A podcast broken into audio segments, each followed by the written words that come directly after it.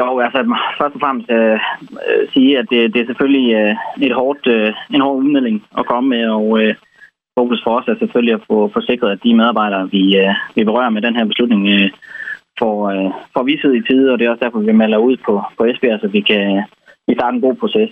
Øh, det er jo først øh, midt næste år, at øh, vi regner med at, at afslutte produktionen i Esbjerg.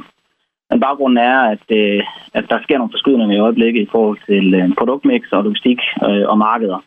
Og derfor øh, skal vi sikre, at Vestas er konkurrencedygtig. Så vi justerer vores øh, fabrik setup øh, med den her udmelding. Og Morten, hvad er så planen i forhold til de her 75 personer, der nu vil blive afskediget i Esbjerg?